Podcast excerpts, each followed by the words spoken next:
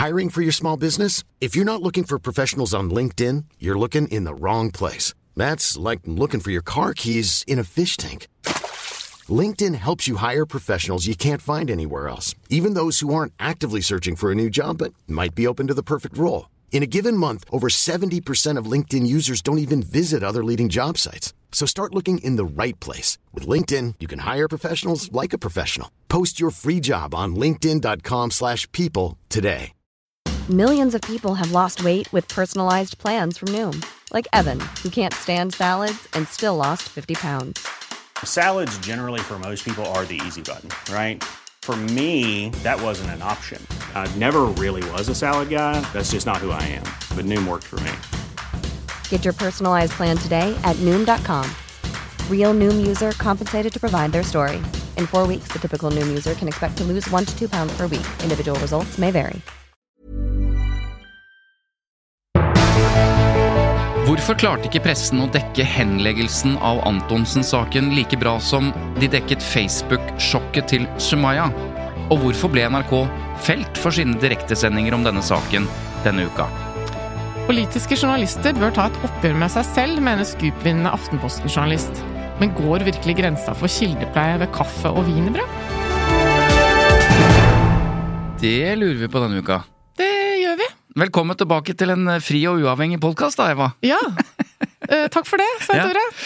Har du, eh, har du lagt merke til noe i medieverdenen i det siste, siden vi satt i uh, forrige episode? Satt vi utendørs i Värmland? Ja, og- vi har vært litt mye på farta, så jeg har jo en av mine perioder hvor jeg ikke har, hva skal jeg si, fått med meg alt som rører seg, men det som har vært umulig å ikke få med seg, er jo dekningen, nå er det jo litt over da, men dekningen av dette store amerikanske krigsskipet. ja, hangarskipet. Ja, som jo, jeg håper å si, er ferdig diskutert i alle kanaler, kanskje, men uh, hva tenker du? Vi har ikke snakka om det, Nei, og det, og det deler seg jo sånn som det ofte gjør, da, mellom de som uh, syns det er kjempestas, og de leser alt om dette, og mediene publiserer eh, hundrevis av artikler, og så er det de som tar inntar den derre Nei, men nå må Hallo, vi slutte å liksom. degge amerikanerne og Ja. hangarskip og hundre vinklinger på dette her, og dette er altfor mye, og ja, Ja, du vet og den diskusjonen har handlet om to ting. Det ene er pressens dekning og eh, liksom inntrykket av Mm. dekningen som også hjelpes av sosiale medier. Ja.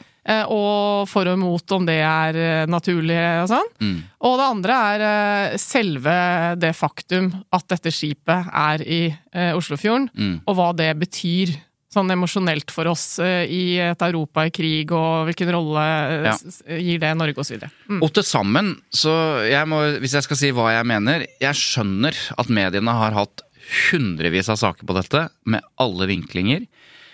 For det er svært. Altså i ordets mange betydninger. Ja, det er jo det. Altså, det er definitivt en sak at uh, dette skipet har sitt første ordentlige stopp med perm for soldater som har vært om bord i ukevis og sånn, uh, i, i vår havn. Ja, og, og, og bare størrelsen på det. Altså Når du får disse Facebook-oppdateringene hvor de tar nærmest selfie eller fra verandaen osv. Det er jo fordi det er en sensasjon. massivt, Det er ja.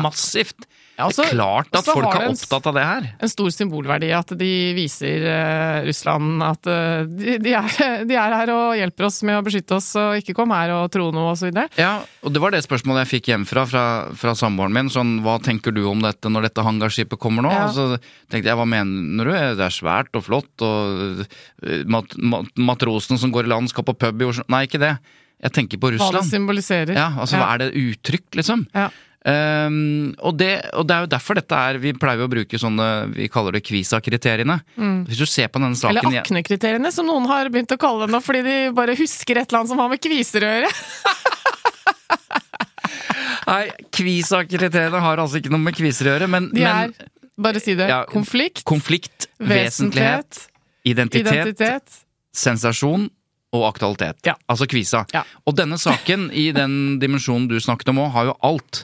Konflikten ligger jo i selve eh, liksom, krigen som overbygning, altså konflikten mellom Mm. vårt naboland og amerikanerne og hangarskipet, og for så vidt diskusjonen rundt skal Nato liksom komme så tett på å provosere. Mm. Det er vesentlighet. Jeg mener Det dreier seg om den største konflikten, eller i hvert fall mest vesentlige konflikten i Europa. Mm. Identiteten her handler jo om at det seiler inn et hangarskip forbi balkongen vår. Altså, Ja, Vi kommer veldig oss. nært på det. Ja. Sensasjonen er åpenbar.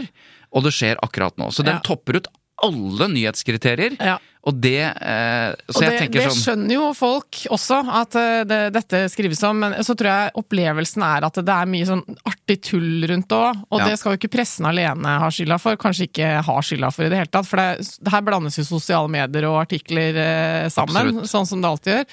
Og, og det som kanskje har vært litt eh, ikke nødvendigvis kritikkverdig, men litt sånn eh, flaut, da, er den Mm. derre seksualiserte sånn Å, nå kommer det masse soldater, de skal på perm Skal på og- Heidis pub og og, nå drikke, gleder og så de seg sikkert Ja. til norske, blonde, flotte damer som er våryr og ikke sant. Ja. Eh, og det kan jeg være enig i, men samtidig så syns jeg det har vært litt søtt, på en måte. Det er litt det jeg liker med Norge, at, eh, at vi dekker den type ting. Litt sånn som lille Norge Mm. skal. At det er litt, ja, jeg bare syns det er litt sjarmerende at vi er såpass naive at vi syns det er litt stas. Ja, og så kan man selvfølgelig, hvis man gjør en medieanalyse av dekningen, så kan det godt hende at man finner ut at det var litt mye sånne type servile vinklinger som gikk akkurat på lille Norge og masse soldater og Heidis pub og sånn, og litt for lite det perspektivet som faktisk handler om hva slags signaleffekt har dette i den konflikten vi står i, Ja. og hvor langt skal dette Nå skal jo dette skipet videre langs norskekysten, og jeg hørte en Sa jeg kysten? Ja, jeg tenkte jeg skulle si noe. Og så hørte jeg en eh, Eller jeg leste et, eh, et intervju i eh, Morgenbladet med en, en, eh, de som er mest, altså en av de eh, fremste ekspertene i norsk militære på, på, dette, eh, på denne konflikten. Da. Og han sier f.eks. at jeg tror ikke skipet kommer til å passere Tromsø. Fordi, og så kommer hele begrunnelsen. Altså dette hvis det gjør det, hvis skipet passerer Tromsø og opp mot Barentshavet og Kola og sånn, så er vi jo på en måte i det sterkeste spenningsfeltet i vår tid. Og da kan det nesten oppfattes litt sånn som utrykningen Ja. til Russland eh, ble sett på Ja, da mister man egentlig utbrudd. kontrollen. Et lite uheldig misforståelse oppe i Barentshavet med et sånt hangarskip, Ja. og så er det helvete ute. Så, men Men- den, det perspektivet er jo også en del av dekningen av dette hangarskipet. Absolutt, definitivt. Eh, Aftenpostens Vink lagde jo en sånn guide til de amerikanske soldatene. Eh, dette er det dere bør gjøre når dere tusler rundt i Oslo. Ja, det syns jeg også, fordi eh, det vi må huske på er jo at det, er en vinkling Mm. på en sak som også er interessant for oss. Så det, det syns jeg er, det er bare en morsom innpakning som også jeg har glede av å lese. ikke sant? Hvor er det jeg bør ta med meg mine venner når de kommer til Oslo osv. Så, videre. så det er jo stoff som ikke bare er tuftet på de amerikanske soldatene, selvfølgelig. Ok, Ja. denne uka så var det PFU-møte hvor de skulle behandle en eh, prominent klage. I hvert fall i den forstand at de skal behandle en klage fra Atle Antonsen om denne saken som har eh, vært ganske stor det siste halvåret. Og PFU er da Pressens faglige utvalg. Hvis noen skulle være i tvil. Pressens selvdømmeordning. Mm. Som ikke er juss, men presseetikk. Riktig. Og jobber etter Vær varsom-plakaten. For de som ikke visste det fra før. Ja, velkommen til nye lyttere. Men eh, og jeg vet ikke Dette blir liksom meta, for nå skal vi eh, bare gjøre en kort oppsummering av denne Atle Antonsen Sumaya Jirde Ali-saken. Eh, Men hvis vi gjør en oppsummering som, hvor vi sier noe feil der, Ja. så er vi ute å kjøre. Og dette er litt sånn metadiskusjon, for det er jo nettopp det som har vært noe av klagen. At når man skal omtale denne saken, fortelle og diskutere og forklare, så går man i bare, for man sier feil, faktafeil eller osv. Eller ikke ha muligheten til å la alle som er involvert i saken, få uttale seg samtidig. Ja, så vi skal komme tilbake til hva som var klagen, og hva NRK faktisk er felt på. Mm. Men la oss forsøke allikevel å gjøre en veldig kort oppsummering. Ja, og husk nå, Svein Tore, Ja. at eh, flere mennesker er som meg enn som deg. Det vil si, de har kort hukommelse, Ja. er glemske, så de fleste husker ikke detaljene. Så ikke, ikke gå for fort fram nå. Men jeg skal i hvert fall gjøre det kort. Altså, Atle Antonsen var full. Skal vi starte der? Ja, Ja, på bar. og på Barboka. Ja. Og så møtte han eh, Sumaya Irde Ali, en eh, samfunnsdebattant som har stått i voldsom storm, opplevd mye hets, rasisme osv. Og så prøvde Og han på seg samme bar så var jo da åpenbart Sumaya, hvor eh, bakteppet var at eh, hun var ute med en venninne. Ja. Hadde, eh, ifølge hennes egen fortelling, verdens deiligste kveld fram til dette møtet. Ja. Så Godt humør, god stemning. Topp stemning. Ja. og, så, og så ser Atle Antonsen henne, eh, går bort til henne og prøver seg på eh, det som i ettertid har liksom blitt omtalt som en slags form for rasismehumor. Altså en humor som handler om eh, 'er ikke du for svart til å være her', eller noe sånt. Altså, Mm, for mørkhuda. Ja, for mørkhuda. da. Så funka det veldig dårlig. Eh, Sumaya Jirdali mente at det som skjedde var langt over streken. Hun skrev et Facebook-innlegg som gjorde at mange, meg inkludert, tenkte at nå kan Antonsen være ferdig. Fordi det virket som han hadde klikka helt og vært rasist, eller i hvert fall oppført seg rasistisk og truende i tillegg. Eh, og så sto det f.eks. ingenting eh, i dette Facebook-innlegget at det var et forsøk på humor. Eh, og så ble Antonsen anmeldt for rasisme, den ble henlagt, den ble påklaget, og så ble den henlagt helt opp til riksadvokatnivå. Og i henleggelsen så står det jo at etterforskningen har liksom brakt på det rene at dette var et mislykket forsøk på satire. Ja, men jeg vil bare, midt inni her, ikke sant, det som skjer som gjør at vi får høre om saken, er jo at det starter med en lang og følelsesladd eh, Facebook-post fra hovedpersonen selv, Sumaya Nettopp. Girdali. Og, og så vet ikke jeg om den er endret eh, etterpå i ordlyd og sånn, det vil jeg tro den ikke er, da, men, men sant, i den posten som vi alle etter hvert ble eksponert for, så får man jo, selv om kanskje ikke det står noe feil der, så er det jo hennes versjon av saken. Mm. Og den var jo veldig rørende, og det er ingen grunn til å betvile hennes opplevelse Altså av rørende som i litt sånn skremmende ja, ja, og ja, altså, hva skal jeg si, den var Følelsesladd, da. Ja. Eh, og, og med ordlyd som er sånn Dagen etter våknet jeg med en følelse av å ha blitt mørbanket. Hele søndagen var jeg i sjokk, og jeg gjorde det jeg pleier å gjøre i møte med rasisme. Mm. Jeg prøvde å få, ikke sant? Så hun sier jo ikke nødvendigvis rett ut at det er rasisme, men etterlatt inntrykk er jo at dette er en Ja. hendelse som er, var rasistisk. Og hele forskjellen eh, på den posten og det som er kom fram i avhør og henleggelsen, som vi har snakket om tidligere, det er at eh, Sumaya Irdali og venninna også sier i avhør, eh, og derfor konkluderer Riksadvokaten i henleggelsen med det, at de forsto at det var et klønete, dårlig, dumt fylla-forsøk på humor. Fordi at det, når folk forsto det, at, at alle som var der, skjønte at det var et forsøk på det, det var ikke åpenbart når du leste den første posten. Og Nei. der forandret ting seg lite grann, tror jeg. Men eh, også, som vi la til forrige gang, og som vi kan legge til nå, at hun opplevde dette som sånn som hun skriver det. Eh, at Det er hun i sin fulle rett til. ja, og Antonsen har beklaget og beklaget og beklaget, men han har insistert på at det var et forsøk ø, på satire som gikk fullstendig feil. Som hun aldri skulle utsatt henne for. Dårlig folkeskikk, fylla, alt mulig. Ja, men og så vidt jeg husker, så tok det litt tid før vi fikk høre akkurat det Ja. fra uh, Atle Antonsen selv. ja, og, Forståelig nok, fordi det er vanskelig når du er i en sånn situasjon å si noe uten at det blir feil, da. ja, men det som er interessant mediemessig, er at når, du, når utgangspunktet er denne Facebook-posten, og vi ikke får nettopp eh, dette Politiavhørene kommer jo seinere. Så er det jo mange som uh, mener mye, veldig hardt. Også mediene, og det er kom kommentarer, og det er osv. Dette minner litt om Schenken-saken. Ambulansesjåføren som uh, hentet en eh, person i Sofienbergparken på Ja. Ikke sant? Og uh, der var det, det Vi kan ikke gå inn i hele den saken, men, men folk kan søke opp den saken. Ja, han ble men også anklaget for rasistisk oppførsel. det var helt veldig uh, massivt i starten der fra alle kanter om at dette var en form for hverdagsrasisme og rasistisk oppførsel. Så Og frikjent etterpå, bare så det er helt tydelig. Ikke bare frikjent, men, men, men Dagbladet, som ble felt både i Pressens faglige utvalg og ble dømt i alle rettsinstanser helt opp til Høyesterett, fordi de i kommentar- og nyhetsjournalistikken eh, gikk for langt da, Ja. til å antyde dette. Schenken endte opp jo i Pressens faglige utvalg som allmennhetens representant, der du også satt. Så det er noe med dynamikken i disse sakene som ligner litt. Grann, da. For du får først en versjon, og så blir det en annen versjon som er Ja, det kan du si. veldig Mm, mye mer nyanser. Absolutt.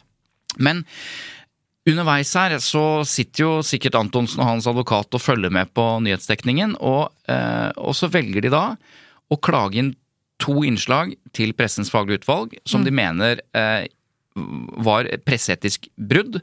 Eh, og denne uka ble den saken da behandlet. Ja. Og jeg må bare spørre, ø, du som har satt deg ordentlig inn i det, er ditt inntrykk da at de har fulgt alt, og så har de klaget de to sakene fra NRK som de oppfattet som verst? Det vet jeg ikke. For det kan man få litt sånn, man Ja. kan bli litt usikker som publikum. Ja. Eh, om, er det litt tilfeldig utvalgte ting? At det er NRK som får dette? Var de like ille i alle andre medier? Ja, det vet ikke jeg, men jeg har jo fulgt denne saken tett. Og jeg, eh, jeg tror ikke disse to sakene i NRK står ut som noe sånn skrekkeksempel eh, på presseetisk overtramp i forhold til alle andre. Nei. Så jeg tror at eh, når man velger seg sånne saker, så velger man eh, at man tar NRK. Fordi eh, føler kanskje at det er en svært viktig kanal. Eh, og man gjør det fordi det er et eksempel på en stigmatiserende, ubalansert og presseetisk problematisk eh, setting. Ja, Så Det kan jo også hende at uh, mange medier kommenterte saken, og alle var litt ulne, men at dette var det tydeligste eksempelet på at noen burde gjort det annerledes, da. Ja. Så for ikke å liksom eh, bagatellisere NRKs uh, Absolutt, Ja. uh, men vi vet ikke om det, det Som vanlig, og dette vet jo du også, at eh, når man behandler en klage i PFU, så kan det godt hende at det fins ti ganske like presseetiske overtramp som aldri kommer til PFU, for det har noe med både hva klager velger å klage inn, og det handler om kapasitet og osv. Ja, det handler egentlig i bunn og grunn om at ingenting blir behandlet i PFU hvis det ikke blir klaget inn. Så Nei. det er jo hva folk velger å klage som havner på bordet. I hvert fall, Konklusjonen var at uh, NRK har brutt uh, Vær varsom-plakatens punkt 3.2. Ja. Det var en lang diskusjon i Pressens faglige utvalg. Eh, for det første så var jo mange flere eh, Punkter. punkter. som var klaget inn. Men det diskusjonen var på, var egentlig punkt 3.2, og det er et veldig interessant punkt. For det inneholder jo da, dette vet jo du, men punktet inneholder jo både det som handler om bredde i kildeutvalg, eh, som egentlig handler om balanse. At du må ha et bredde i kildeutvalget så det ikke blir ubalansert. Men det punktet inneholder også at du skal kontrollere at opplysningene er riktige. Altså faktasjekken ligger i det punktet. De henger jo sammen, ikke sant. Så hvis du har en sterk påstand, eller du skriver om et eller annet som du har inntrykk av at er riktig, så må du sørge for at det faktisk er riktig, og ofte gjør du det ved å ringe den andre parten. Ja, og derfor henger dette veldig eh, sammen med det andre punktet som eh, sekretariatet i Pressens faglige utvalg eh, mente også var et brudd, altså 414. Det var en innstilling som handlet om brudd på 3.2 og 414. Og 414 er jo da Samtidig imøtegåelse. samtidig imøtegåelse, som ofte henger sammen, som du sier, med 3.2. For at hvis man har eh, fakta som du må sjekke, så ringer du noen andre. Og da får du samtidig en samtidig imøtegåelse, eksempel. Ja. Her var det jo en hendelse, som du har beskrevet eh, godt, hvor mange var til stede. Ja. Så det var mange å kontrollere opplysningene hos. Ja. I hvert fall, det som skjer er at eh, etter en lang diskusjon så blir, eh, så blir eh, NRK felt. Det var to nyhetsinnslag. Både Arena, som er dette radioprogrammet, sånn aktualitetsprogram, eh, og det var Nyhetsmorgen. Det var to ulike innslag. Men uten å gå inn i hver enkelt, så handlet dette rett og slett om at det ble sagt ting der som ikke var riktig. Eller som NRK i sitt tilsvar sier, var upresist. Som vi nå i ettertid eh, lettere kan se enn i øyeblikket hvor det skjedde. Ja, eh, det kan du si, men på det tidspunktet hvor NRK eh, og NRKs kommentatorer og gjester diskuterte dette, så var saken henlagt på det tidspunktet. Nettopp, og det er det som ikke har eh, festet seg så godt hos folk, tror jeg. Ja, og, og det var Det hadde også allerede vært et politiprosess, ikke sant? Med Ja, ja. avhør og Ja, og, og her er det upresist også, fordi i Nyhetsmorgen så sier man at politiet har henlagt saken. Det er ikke riktig. Eh, For det er statsadvokaten først, og så riksadvokaten. Det er ikke bare politiet. Det er, det er en ferdig prosess, og en annen viktig ting som, som eh, ikke kom fram i dette, disse innslagene, var jo at det er uenighet om hva som faktisk skjedde. Ikke hva som ble sagt, men hva som faktisk skjedde. Knyttet til dette om han tok en i armen osv. Så, videre. så konklusjonen eh, er i hvert fall at de har brutt Vær varsom-plakaten fordi de ikke har vist en bredde i kildeutvalget og ikke kontrollert opplysningene ordentlig. Jeg har lyst til å liksom at du leser litt fra utvalget eh, allikevel, for det gir litt sånn eh, Så lytterne får med seg eh, liksom helheten her. Ja, det kan jeg gjøre. Fra uttalelsen som PFU da gir hver gang de har behandlet en klage. Mm. Slik utvalget ser det, var det forståelig at klager opplevde meningsytringene og karakteristikkene i sendingen som angrep. Under tvil er PFU imidlertid kommet til at det i sendingene ikke ble fremført faktiske beskyldninger som utløste klagers rett til samtidig imøtegåelse. I stedet utløste disse klagers tilsvarsrett. Ja, og bare for å ta det, det var fordi de diskuterte utvalget det at du påstår at noen har gjort noe rasistisk. Er det en sterk beskyldning av faktisk art? Eller er det ikke det? Kan man diskutere rasisme på en måte normativt? Kan du, kan du kontrollere den opplysningen der og da? Og er det hennes opplevelse som de diskuterer, eller at han har begått Mm. rasistiske, hatefulle ytringer rent strafferettslig? Det er, ganske, det er en Ja, det utrolig interessant vanskelig, mm. debatt, fordi hvis jeg sier at det var rasistisk Ja, men han er ikke dømt for rasisme. Nei, men come on, det er jo eh, rasistisk. Han er, Mm. Johan Golden, hans beste venn, sa jo at det han sa var rasistisk. Men han er ikke rasist, eksempel. Ja, men strafferettslig så har han ikke For han, den er henlagt. Mm. Ja, så, så dette diskuterte de, og dermed er det liksom veldig interessant. Er det faktisk art Eller ikke, fordi hvis det ikke er opplysninger av faktisk art som kan kontrolleres, så er det tilsvarsrett som mm. utløses, som da er i ettertid. Det vil Mm. Ja. si at eh, jeg føler meg urettferdig omtalt eller eh, fått en beskyldning osv. Jeg har rett til å komme på trykk på samme sted eller bli intervjuet dagen etter, eller, ikke sant? Mm. Ja. Eh, For å få svare. Og, så, og Så det gjorde de- ikke sant? De Ja. spurte om de ville ha tilsvar til dette. sånn. Ja. Og så skriver de videre NRK skulle ha tydeliggjort at partene faktisk ikke er enige om hva som skjedde den aktuelle kvelden, i motsetning til det som ble hevdet i sendingen. Mangelen på motstemmer og forbehold gjør at sendingen fremstår for ensidig, om bredde og relevans i kildeutvalget osv. I Nyhetsmorgen-innslaget hevdes det at Sumaya Jide Ali var blitt utsatt for graverende rasistiske opplevelser, og at det var klager som sto bak. Heller ikke i dette innslaget var det motstemmer, og det ble heller ikke tatt forbehold som kunne balansert fremstillingen.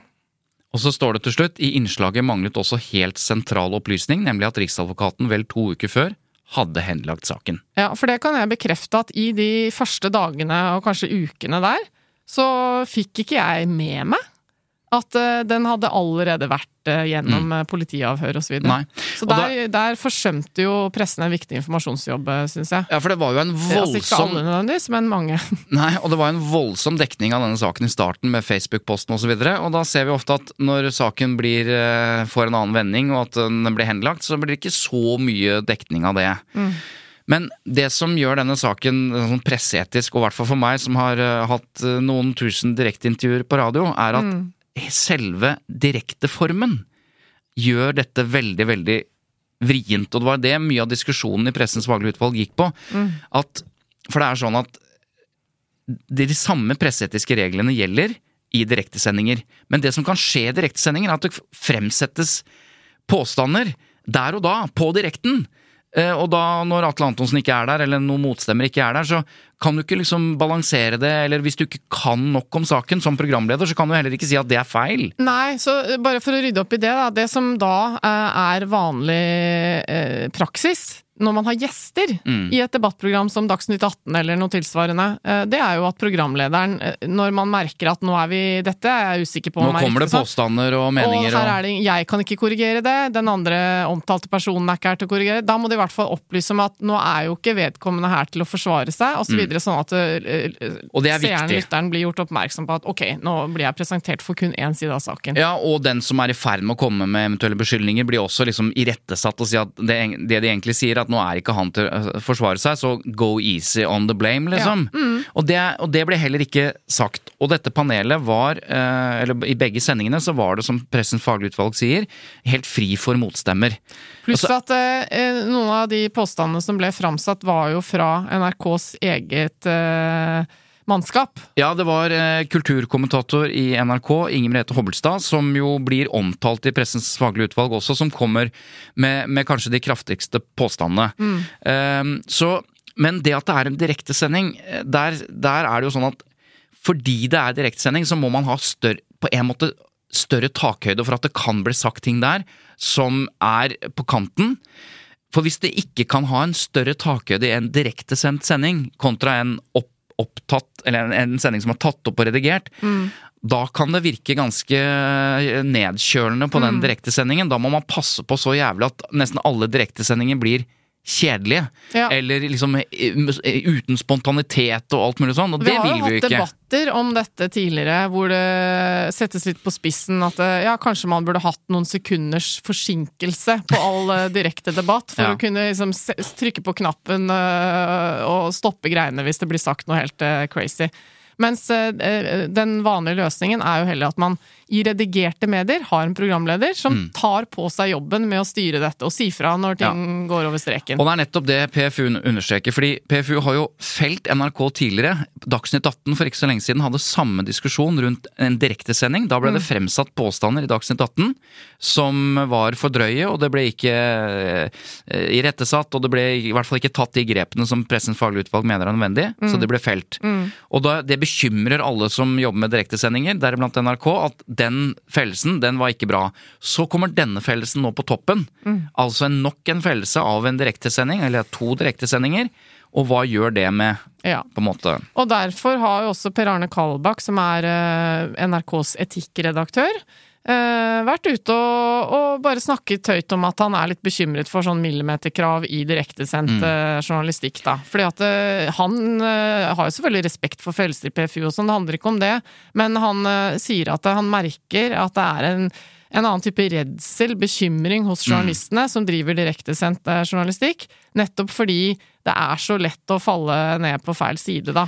Men jeg er ikke nødvendigvis enig i det, og jeg skal forklare det. Men først uh, lese det PFU skriver nettopp om Ja. dette problematikken. Kan ikke du lese det som de sier om, om direktesendinger der, for det er veldig interessant.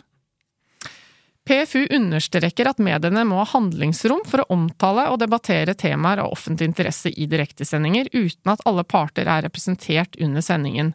Manglende deltakelse kan ikke hindre at disse sakene blir omtalt. I løpende debatter skal det også være stor takhøyde for meninger og karakteristikker. Og det var for diskusjonen. Er dette en karakteristikk og en mening, eller er det Mm. en opplysning av faktisk art? Men så skriver de også at i direktesendinger så er det imidlertid ingen presseetisk frisone. ikke sant? Det er den samme presseetikken som gjelder, så vi snakker om litt takhøyde, som er på en måte bare Vær litt mer tålmodige. Eh, Det avgjørende er derfor at det blir tatt nødvendig forbehold om at den angrepne part ikke er til stede for å forsvare seg osv., eller kan korrigere eventuelle feilaktige opplysninger som fremkommer. Så det er det vi snakket om, da. Og det er der jeg mener at eh, Jeg skjønner at NRK og Kalbakk er bekymret for at dette kan liksom eh, true friheten og spontaniteten osv., men det er to ting du skal tenke på. Hvis du skal snakke om noen og, og vet at det er kritikkverdig og det kommer meninger og karakteristikker osv., så, videre, så må du tilstrebe å ha en balanse der. Du må ha en gjest eller en eh, Og hvis du ikke finner det, så må de som er der, tenke på den samme balansen. Det er det ene, og det kan du planlegge for. Og det andre, kjempeviktig, er at du må ha en programleder som både én klarer å si fra mm -mm, 'nå går vi for langt', og to kan saken så godt at når NRKs kommentator kom med en feilaktig opplysning, som hun gjorde, eller andre kom med det, så må programlederen si 'vet du hva, det er ikke riktig, fordi sånn og sånn'.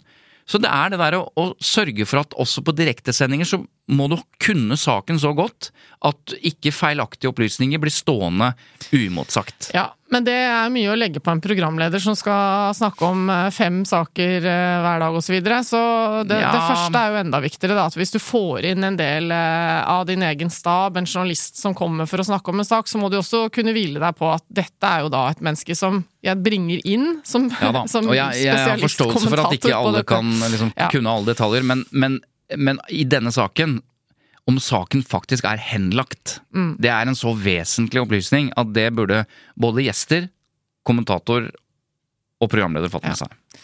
Nei, dette er en vanskelig sak. Uh, har vært en vanskelig sak. Det er jo uh, Altså, det jeg sitter igjen med av hele Atle Antonsen, Sumaya Jidali-saken, er jo det at uh, gapestokken i samfunnet vårt er jo verre Mm. enn rettssystemet. Mm. Nå har jo Atle Antonsen fått henlagt saken i rettssystemet, så det er ingen grunn til å liksom, konkludere med at han har gjort noe rasistisk. I eh, hvert fall ikke strafferettslig. Nei. Nei. Men poenget mitt er da at uh, allikevel så er det jo veldig mange som har fulgt denne dekningen over så lang tid at Mm. eh, man har ikke kontroll på hva som skjer rundt middagsbordene og alle bare Ja ja, men altså Mm. Ikke sant? Man, man gjør seg opp sine egne meninger. Og, og det, det som er poenget her, er jo at pressen i hvert fall må ta litt ekstra ansvar, for det er jo en det er jo et surr av Facebook-poster, Twitter-meldinger, eh, litt artikler osv. Eh, eh, og her er jo poenget at pressen, i hvert fall når de oppsummerer sakene for oss, må sørge for at det er balanse. At riktige opplysninger Ja. kommer frem. Det er kjempeviktig, for dette, denne, når vi ikke helt vet om vi har lest det på Facebook eller lest det i redaktørstyrte medier, så må i hvert fall redaktørstyrte medier være ekstremt tydelige. Ja. Skal vi skynde oss å legge til at når vi har omtalt Inger Merete Hobbelstad, som er en fremragende kulturkommentator på NRK, bare for å understreke det, så har hun også gått ut på Facebook og beklaget etter at dette ble en fellelse i PFU. Ja, og det vil jeg si er mangelvare. Jeg syns det var litt uh, rørende på et vis. fordi at uh, når jeg tenkte meg om når jeg så hennes post, uh, så var det veldig uvanlig. Mm. At den journalisten som blir felt, eller som står ansvarlig for fellelsen, for det er jo mediehuset som blir felt, Mm.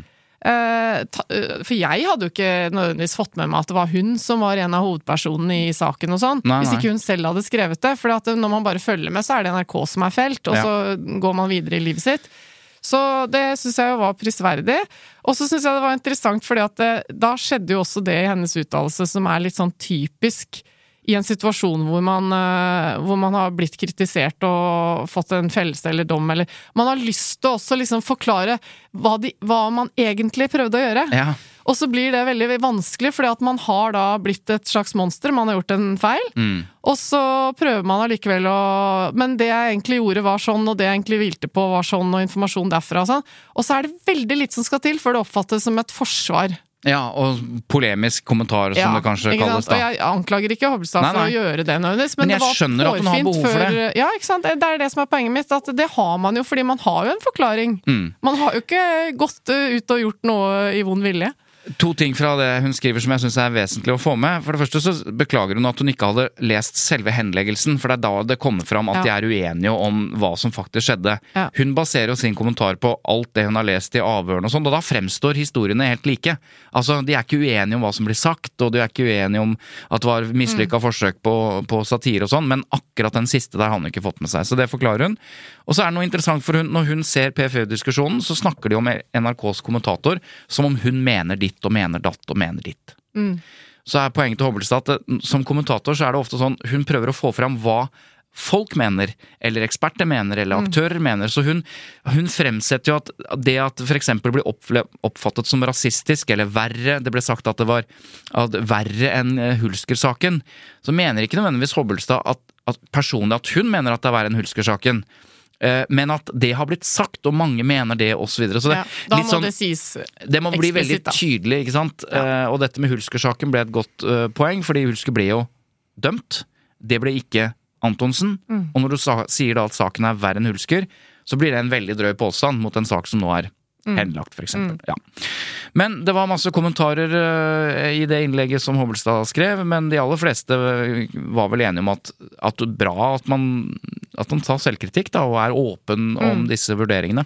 Så det heier vi på. Deilig å ikke være en del av PFU-ordningen, da, for at vi kunne hatt en sånn sending uh, uten at uh, noen hadde kunnet uh, klage på at vi sa noe. Jeg mener husk at vi hadde en episode ja, rett etter dette og snakka om det og sammenligna med Hulsker-saken og det ene med det andre, men Ja, Ingen som har tatt ingen kan klage inn oss. Ta selvkritikk på hele denne episoden. vi skal ha en ny sak, Eva. Burrow is a furniture company known for timeless design and thoughtful construction, and free shipping, and that extends to their outdoor collection. Their outdoor furniture is built to withstand the elements, featuring rust-proof stainless steel hardware, weather-ready teak, and quick-dry foam cushions. For Memorial Day, get 15% off your Burrow purchase at burrow.com slash ACAST and up to 25% off outdoor. That's up to 25% off outdoor furniture at burrow.com slash ACAST. I'm Sandra, and I'm just the professional your small business was looking for. But you didn't hire me because you didn't use LinkedIn jobs. LinkedIn has professionals you can't find anywhere else, including those who aren't actively looking for a new job but might be open to the perfect role, like me. In a given month, over 70% of LinkedIn users don't visit other leading job sites. So if you're not looking on LinkedIn, you'll miss out on great candidates like Sandra. Start hiring professionals like a professional. Post your free job on linkedin.com/people today. For noen uker siden så, så fikk vi en debatt blant noen uh, journalister og redaktører om hvordan da spesielt politiske journalister driver kildepleie, og hvordan de skaffer seg informasjon. Du husker sikkert uh, skandalen der en Frp-politiker gikk til angrep på, på flere politiske journalister fra ulike redaksjoner på et nachspiel. Ja, men ta den. Var, var- det det som skjedde? Det, dette som har vært så mye omtalt, det Ja. skjedde seint på natta etter alkoholinntak på selve nachspielet. Var ikke på middagsfesten Nei, nei, var på på, landsmøtet. Det var en Fremskrittspartipolitiker som hadde et hotellrom, og der var det et uh, nachspiel, og der var det masse folk, Fremskrittspartifolk og journalister fra Dagbladet og Nettavisen og sånn og sånn. Og så var det, det var da han som eide dette hotellrommet, han, var, han er en ordentlig fyr. Men så kom han andre Fremskrittspartipolitikeren og lagde skandale. Ja. Eh, og det var, eh, ja, det var ikke bra i det hele tatt, og han eh, er ute av gamet. Og etter at de hadde blitt edru igjen, så lurte jo vanlige folk, og masse pressefolk egentlig, på hvorfor journalistene var på nachspiel med politikere. Ja! Eh, og det må jeg innrømme at eh, jeg også egentlig lurte litt på, selv om jeg vet jo at det er ganske vanlig. Ja, men dette Men er ikke kjent, liksom. At det er så tett eh, liksom Ja, at Så man er på nachspiel Det er et betimelig spørsmål å stille, vil jeg si. Og, og da var det flere, blant annet politiske redaktører, både i Dagbladet, Martine Aurdal og Aftenposten, Kjetil Alstein, som både i podkast og i kronikksform, eller debattsform, forsvarte og forklarte hvorfor det er riktig å gå på nachspiel, f.eks. med politikere. For det handler jo både om da kildepleie, at man, at man snakker med disse i alle sammenhenger, men også være der på arenaer for å observere og skaffe seg informasjon osv. Så, videre. så de forklarer at dette er sånn det alltid har vært, og sånn bør det være. Og så kom annet eh, Dagbladets eh, politiske redaktør Martine Aurdal eh, ut og skrev et slags forsvar for nachspiel og pølsefester, og, og det at politikere og journalister må kunne ha et litt uformelt eh, Ja. treff også. Uten at det nødvendigvis gjør, gjør en inhabil. Altså Tar man en øl med en journalist, så er man ikke Nei, med en politiker så blir man ikke inhabil av den grunn. Og hun nevner denne pølsefesten som var, Dette var jo Hadia Tajik og mannen Christian Skars sånn bursdagsfeiring, som noen fremstilte som veldig privat, og der kom det masse journalister fra VG og Dagens Næringsliv og Det Dagbladet og var sånn. vel egentlig stort sett hele eliten som var der, Ja, og- inkludert masse Og, og det var ikke en bursdagsfest i den øh, forstand, fordi øh, jeg vet ikke om du vet det, men dette var jo på et åpent utested, og du måtte betale for pølsene dine. Så det er ikke sånn, det er ikke som et helt vanlig bursdagslag, da, men det var en Nei. diskusjon rundt om det var riktig å være det. Martine Aurdal forklarte og forsvarte både pølsefest og nachspiel, og da er det en, eh, en annen journalist som har fått eh, nok av disse argumentene.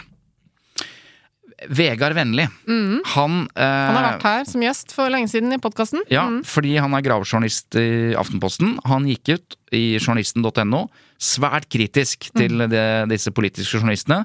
Som han egentlig mener henger igjen litt i gamle dager. Da, du vet, da, da det var Tostrup-kjelleren, presseklubben og myteoppspunne Tostrup-kjelleren. En bar. En bar, et fast vannhull for både Nedi journalister kjelleren et sted? Ja, det er kjeller. Ja. Det var kjeller på selve dasslokket i Oslo, for de som er kjent der. Mellom da liksom Akersgata og grensen og Stortinget. Under der, i kjelleren der. Mm. Ja. Der var Tostrup-kjelleren, og det var Har du vært der? Ja, hver dag etter sending. eh, Ja. Ja, ja, jeg var masse bare- der. mm. Og der lå røyken tjukk. Eh, Det var jo røykfullt eh, hele tiden, og det var politikere, journalister og næringslivsledere som møtes da, snakker sammen, drikker seg fulle sammen, krangler, kliner, er veldig tett på hverandre. Og Vennlig mener at folk henger igjen, journalister henger igjen i den tida. Mm. Riktig. Så jeg ville høre litt mer om hva eh, liksom Vega Vennlig mente med dette innlegget, hvor han kritiserer da eh, disse politiske eh, journalistene. Mm. Eh, og han er ikke hvem som helst. Han var jo her i podkasten fordi han nettopp hadde vunnet Scoop-prisen i fjor. Eh, og det er interessant. Om politikernes pendlerboliger. Mm. Han, har, han vant SKU-prisen sammen med flere kollegaer om, eh, om stortingspolitikernes eh, pendlerboligbruk. Og la meg bare få forklare en ting her som ikke er åpenbart for alle. Fordi at Da er jo Vegard Vennli ikke en av de eh, journalistene som tilhører den såkalte presselosjen. Mm. Eh, de journalistene som har adgangskort til Stortinget, som spiser lunsj i eh, stortingsrestauranten. Mm. Og som eh, på en måte har maktens korridorer som sin arbeidsplass, da, i tillegg til å jobbe for et mediehus. Riktig. Eh, og dermed kan egentlig banke på dørene til politikerne og spørre om de har fem minutter til en prat. Og, altså det, det er der de jobber. Ja. Mye Vega, av tiden sin. Vegard Vennli er en, eh, er en eh, relativt ung gravejournalist eh, som jobber veldig, veldig Skal vi si med de metodene Ung er jo relativt, uh, Svein Tore. Jeg, jeg sa jo det. Relativt, ung. Han er altså Alt er yngre enn veldig mange av disse som vi nå snakker om, politiske Ja. journalistene Ja, som, og redaktørene. Mm. Men, uh, og, og, jeg antyder også en viss sånn generasjonsopprør. Det er det som er ikke sant? ja. Det er et poeng. Eh, og, og når du sier at han er gravejournalist, så har jo han da i den saken vi snakker om med pendlerboligene på Stortinget osv., da har han jobbet sånn som han pleier å gjøre, med innsynsbegjæringer overfor Stortingets administrasjon osv. Han har ikke gått i gangene der og banka og- på og Nei. hva mener du, sånn og sånn stortingspolitiker. Han har jobba på sin måte. Riktig. Så jeg hadde da et behov for å Eller han ville gjerne forklare, da, eh, både meg eh, og Martine Aurdal, som eh, han omtalte, forskjellen på presseetikk mm. og mer sånn juridiske habilitetsregler. Ja. Fordi Aurdal skrev at man nettopp som jeg sa, at man ikke blir inhabil av å ta en øl med en kilde. Det er ikke fullt så enkelt etter presseetikken. eh, For at i Vær varsom-plakaten eh, så står det at journalister skal unngå eh, bindinger som kan føre til spekulasjoner om habiliteten din. Og, det betyr at det er en ganske lav terskel. og det betyr også at det er ikke først og fremst opp til journalisten selv å, å, avgjøre eh, om, om vedkommende befinner seg i en, en problematisk eller presseetisk problematisk eh, situasjon i forhold til en binding. Det er faktisk et spørsmål om hvordan eh, det vedkommende har vært med på, oppfattes av leserne. Det er det som er det avgjørende. Fordi hvis, hvis leserne oppfatter det, så er det om ikke eh, journalisten automatisk blir inhabil, sånn at man ikke kan skrive om en person eller eh, et saksfelt, så er det en enda lavere terskel for at man må opplyse om såkalt bakenforliggende eh, forhold. Eh, det betyr altså at man når man skriver om bestemte saksfelt som, hvor det kan være eh, tvil hos leseren, eller hvor leseren opplever at det er et bakenforliggende eh, forhold, eller at det forholdet kan ha relevans for, for stoffet som journalisten skriver, så må du faktisk eh, opplyse om det. Og der har vel kanskje politiske journalister en liten utfordring. Eh, det er Jeg opplever vel at i liten grad eh, er eh, sånn at eh, deres kommentarer utstyres med sånne haleheng hvor de opplyser om at "By- the way, eh, dette, eh, denne saken den handler om en person som jeg eh, har kjent i veldig mange år. En, en, en bekjent av meg. Jeg har vært i private bursdagsfester med den personen her, eller jeg har vært på nachspiel med den personen her. Eh, det, det, det er noe jeg på en måte Den åpenheten savner jeg nok litt, da. Men hva slags implikasjoner får det? Betyr, altså, betyr det at Betyr det at uh, politiske journalister som har vært på nachspiel med politikere, og det vet jeg man har vært i mange år, år etter år, med alle forskjellige politikere eh, hva, hva, slags, hva slags type opplysninger ser du for deg at publikum må få når det gjelder f.eks. politiske eh, journalister, som jo omgås eh, nettopp politikere på den måten vi nå har lest om? Ja, Det er jo spørsmål som jeg mener er på høy tid at politiske journalister stiller seg selv. Da. Eh, Jeg er ikke så overbevist om at eh, vi eh, på død og liv må være til stede på de nachspielene for å få den informasjonen vi trenger, og for å bygge de relasjonene som er gode. Jeg mener at rollebevisste, godt voksne journalister er fullt ut i stand til å bygge de relasjonene uten at det nødvendigvis er fest og alkohol inne i bildet. Eh, og så sier ikke jeg at, eh, at man aldri kan ta en øl med en kilde. Eh, det kan godt hende at man kan det. Altså, når man setter opp et kildemøte f.eks.,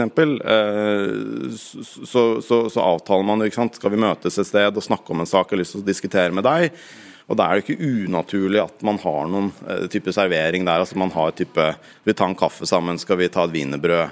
Eh, og at det, Om det da står en kaffekopp der eller en øl på det bordet det, det Skal ikke jeg være sånn eh, mer katolsk enn paven og si at det muligens det kan, kan, kan gå. Men, men som, et, som et utgangspunkt så, så begynner jeg å bli litt trøtt av, av det at det å fly på nachspiel med, med politikerne gjør at man får, får så fryktelig mye bedre saker. Det, det syns jeg begynner å, jeg begynner å bli litt trøtt av akkurat det eh, argumentet.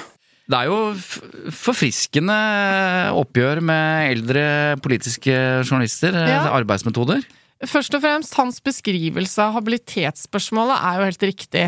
Og det er veldig ryddig og fint. eh, Og bare for å liksom eh, minne oss selv om den diskusjonen som vi akkurat selv har vært eh, del i, da. Med habiliteten vår i forhold til eh, Våre kunder og og vår jobb, ja. Så sant, det, er jo, det er jo nettopp det han sier, at det, om man selv som politiker føler at eh, selv om jeg har tatt en øl, selv om jeg har vært på landsmøte og vært med på nachspiel og sånn, så klarer jeg å være kritisk, så er poenget her at eh, publikum ikke nødvendigvis kan forventes å tro på det, eller være sikker på det, eh, stole på dømmekraft, ikke sant, alt det her. Akkurat som Og fordi de heller ikke visste at politikere og journalister var på nachspiel sammen. Ja. Så det kommer litt som et sjokk også. Så det er jo eh, Habilitetsspørsmålet handler om hva er tydelig for lytterne og seerne og leserne. Ja. Og så kan jo jeg som eh, en eh, tidligere journalist som har vært medlem av Presselosjen og har jobbet med politisk journalistikk på min måte, kan jo være litt sånn ja, men Vegard Vennlig, kaffe og wienerbrød, det var noe veldig eh, puritansk, da. Altså, og så kanskje til nød en øl. Altså, jeg aner en slags kulturkonflikt Ja, men så, Hvis han ikke hadde sagt wienerbrød, men eh, liksom kaffe latte og en eh, Nei, men poenget mitt er at- brosj, så hadde det ikke føltes så gammeldags, da. Det er forskjell på å være ravende drita som journalist på et politisk nachspiel, eh, og gjerne sammen med de man liker, og, og det å begrense kildepleie til, til liksom kaffe og wienerbrød. Det er det som er mitt poeng. Så jeg utfordret vennlig på det. fordi én ting er kildepleie, at man må møte kilder og, og bli kjent med de, og ikke, ikke nære venner, men bli kjent med kildene, diskutere eh, mye off record. Eh, men det kan også være smart, og en del av jobben, vil mange si, og det å være til stede på ulike arenaer. Også på politiske landsmøter, seint på kvelden. For å observere politikere deres, skal vi kalle det sånn hjemmeklima, da. Hvordan er de? Eh, hvordan kommuniserer de? Hvem er de sammen med? Og da, hvilke allianser finnes inn på politikken? Tenk på den diskusjonen som har splitta Arbeiderpartiet, eksempel. Det å vite hvem som er sammen med hvem, og hvordan de snakker. Og gjerne etter å ha fått et par-tre øl, hva sier de egentlig da? Er det ikke det man sier at fra barn og fulle folk får man sannheten. Det er klart at du kan få viktig informasjon på disse stedene. Så, og det å få et helhetlig bilde av politikere eh, på denne måten Man får ikke det bare ved å stille spørsmål på e-post og be om innsyn. Så jeg utfordret han litt på det. da, Hva mener han om det argumentet? Vi kan høre hva han sier da. Jeg syns det er et valid argument. Og eh, altså personlig så Jeg vet jo ikke hva som skjedde på det aktuelle nachspielet som har vært mye omtalt i det siste. Eh, men personlig lurer jeg jo på hva gjorde de journalistene på det hotellrommet så sent på natten? Hvordan kom de opp i den situasjonen? Det lurer jeg på. Eh, men jeg skal ikke utelukke at det eh, at, at journalister ikke kan eh, være til stede på et nachspiel og gjøre de observasjonene som du sier at de gjør. De kan til og med fylle et eh, glass med øl og gå rundt eh, og være relativt edru og snakke med folk. Men det er en viktig forutsetning for å være til stede på sånne arrangementer, mener jeg, og det er at man har journalistkortet rundt halsen. eh, Bokstavelig talt. Bokstavelig talt. fordi at eh, Hvis man tenker seg da, en tradisjonell nachspiel-setting hvor de fleste andre fester og koser seg og har det hyggelig og er ganske fulle, eh, koser seg med vennene sine eh, eller partifellene sine, eh, så skal det være åpenbart for alle i det rommet der at vet du hva, det jeg gjør nå, nå har jeg ikke kontroll på meg sjøl helt. Jeg er ikke helt meg sjøl nå. Jeg har drukket tre, fire, fem, seks halvlitere, hva vet jeg.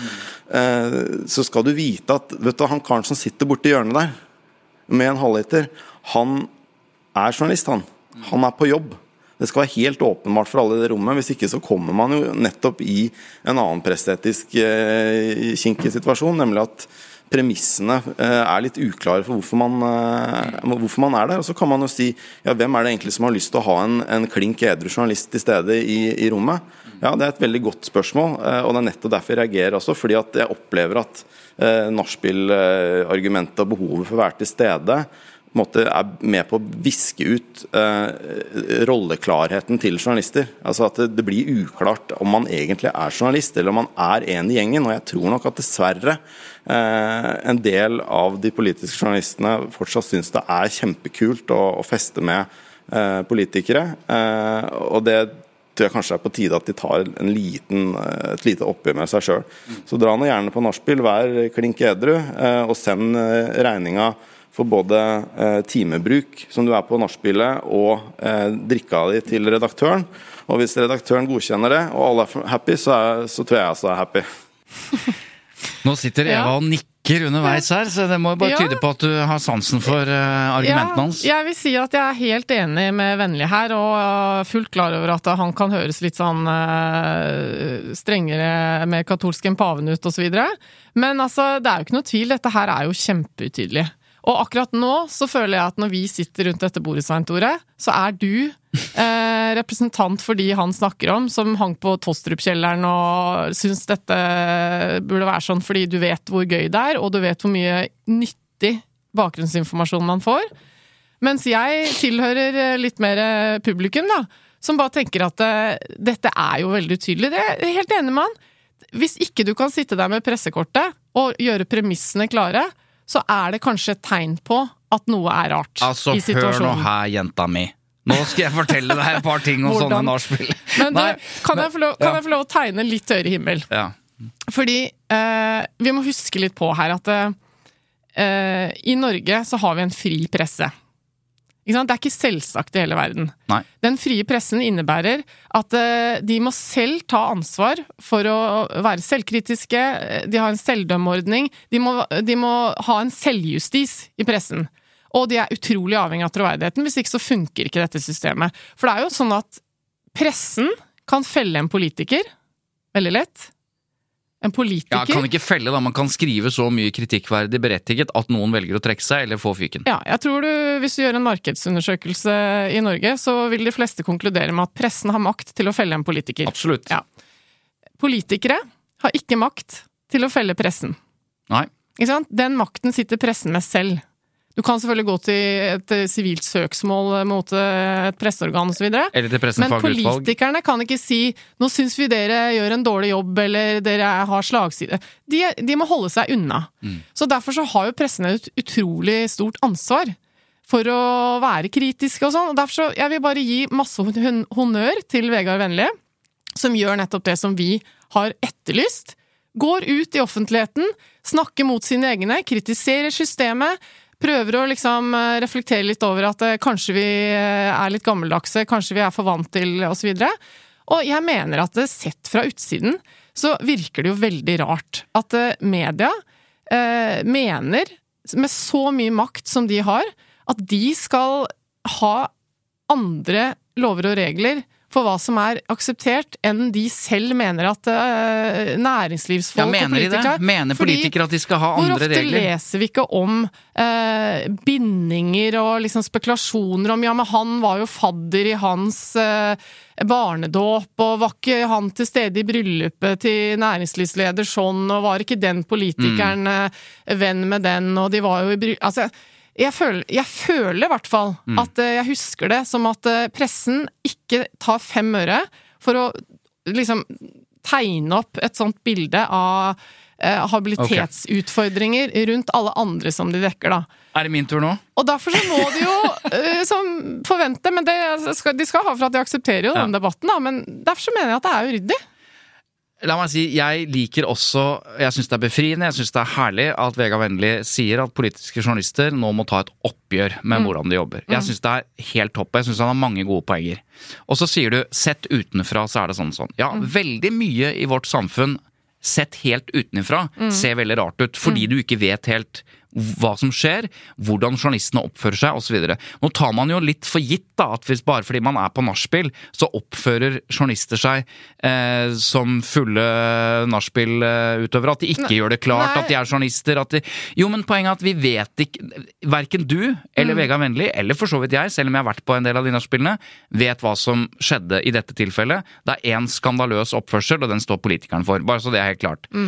Og så mener jeg at når Vegard Vennli sier at han har et det må jo han gjerne ha, inntrykk av at, at journalist, politiske journalister syns det er stas å feste og henge med politikere. Vel, eh, jeg Det inntrykket ja, kan jeg også det kan man mene. Jeg vil da si at de politiske journalistene jeg kjenner, Ja. de er dønn profesjonelle, og de er ikke på jobb der, eller de er ikke på landsmøte for de syns det er kult å henge og drikke med journalister. Det er, det vil jeg si, det er helt uenig i. At det finnes én journalist jeg ikke kjenner, eller to eller tre som kanskje syns det er litt stas, det kan ikke jeg garantere, men det er ikke mitt inntrykk. Så jeg Nei, vil bare si det. Ja, ja. Jeg er enig i at de fleste her har et profesjonelt forhold til det de driver Og så selvfølgelig. syns jeg det er interessant dette her med at eh, de, det dere ikke vet når dere ikke har vært til stede på disse landsmøtene også, er jo at alle politikere på det landsmøtet vet veldig godt hvem som, hvem som er der fra pressen.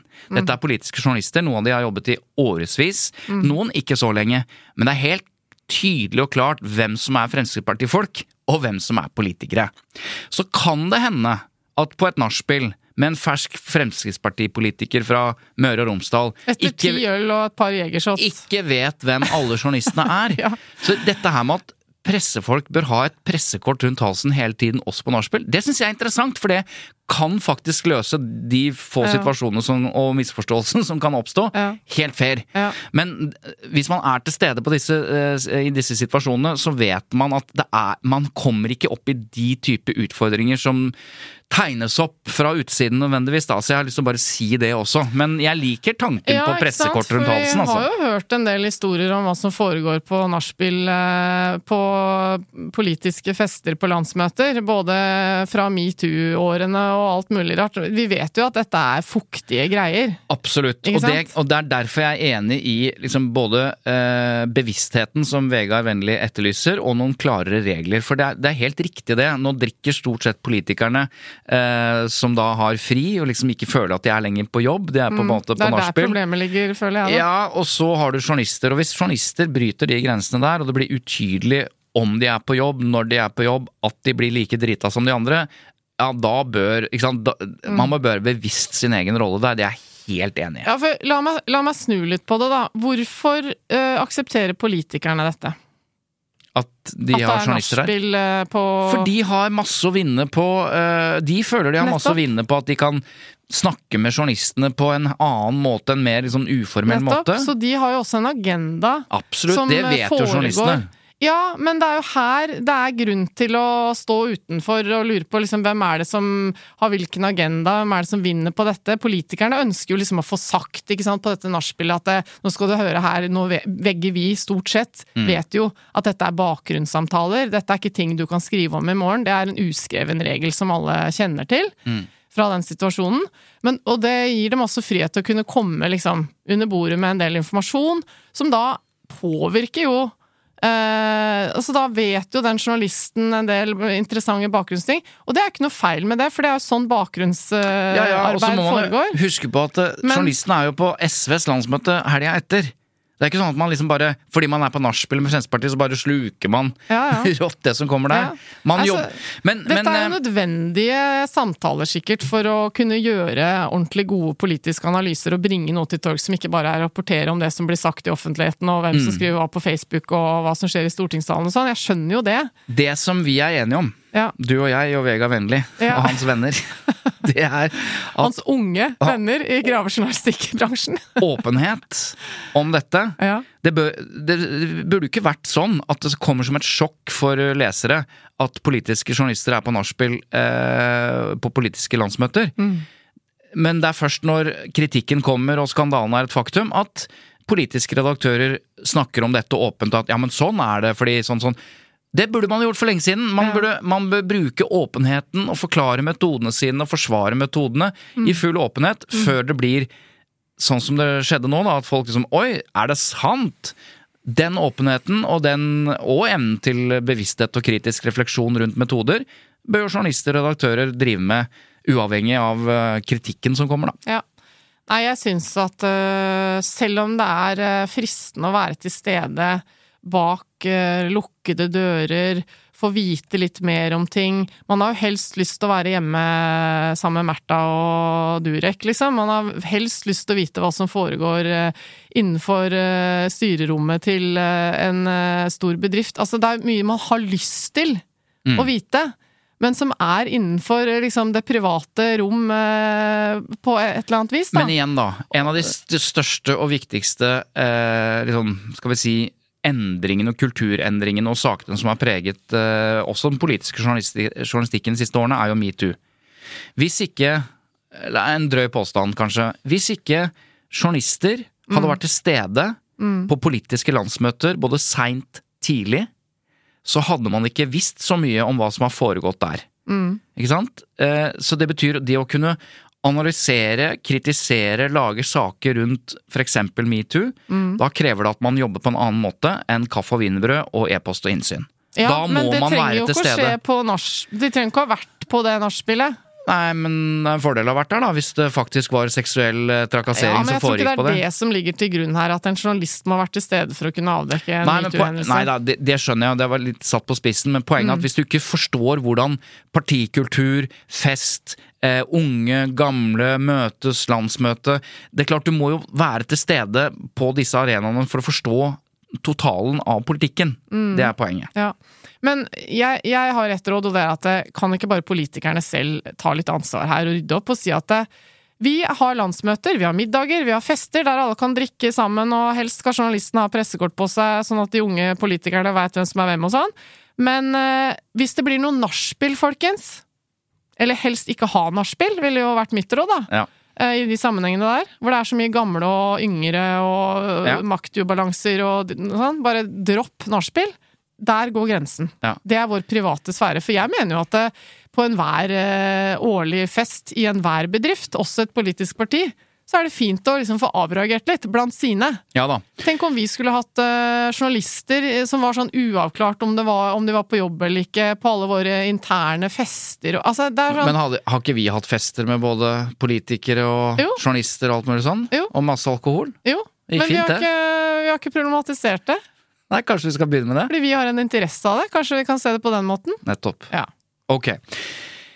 Honnør til eh, Miljøpartiet De Grønne, som Ja. faktisk satte noen regler. Eh, fordi de ser maktubalansen og unge og gamle og sånn. Hadde noen regler knyttet til alkohol. De ble lett latterliggjort av journalister, Ja, og der er noe av problemet. Urettferdig. Der er noe av problemet, fordi og det mener jeg egentlig uavhengig av presseetikk og hvem som er på å ha pressekort osv.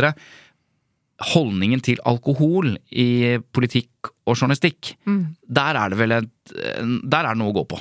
Eh, I, I samfunnet vårt for øvrig. Jo, jo. Altså sånn. Men ja. Men dette, det er, det er jo to eh, faggrupper som man kanskje Ja, det står litt mer på spill, ja. Dette ble lengre enn jeg hadde tenkt, men for en veldig interessant diskusjon. Nå skal vi snakke om noe som er veldig mye viktigere. Men kan jeg bare spørre, syns du jeg er helt hårreisende gammeldags og kranglete i dette? Nei. Nei?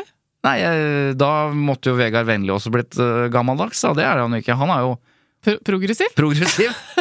Nei, det syns jeg ikke. Jeg syns det er en veldig interessant debatt, og jeg tar høyde for at jeg eh, faktisk ikke klarer å se dette helt med friske øyne, fordi Ja, for jeg syns nemlig du er litt eh, Gammeldags.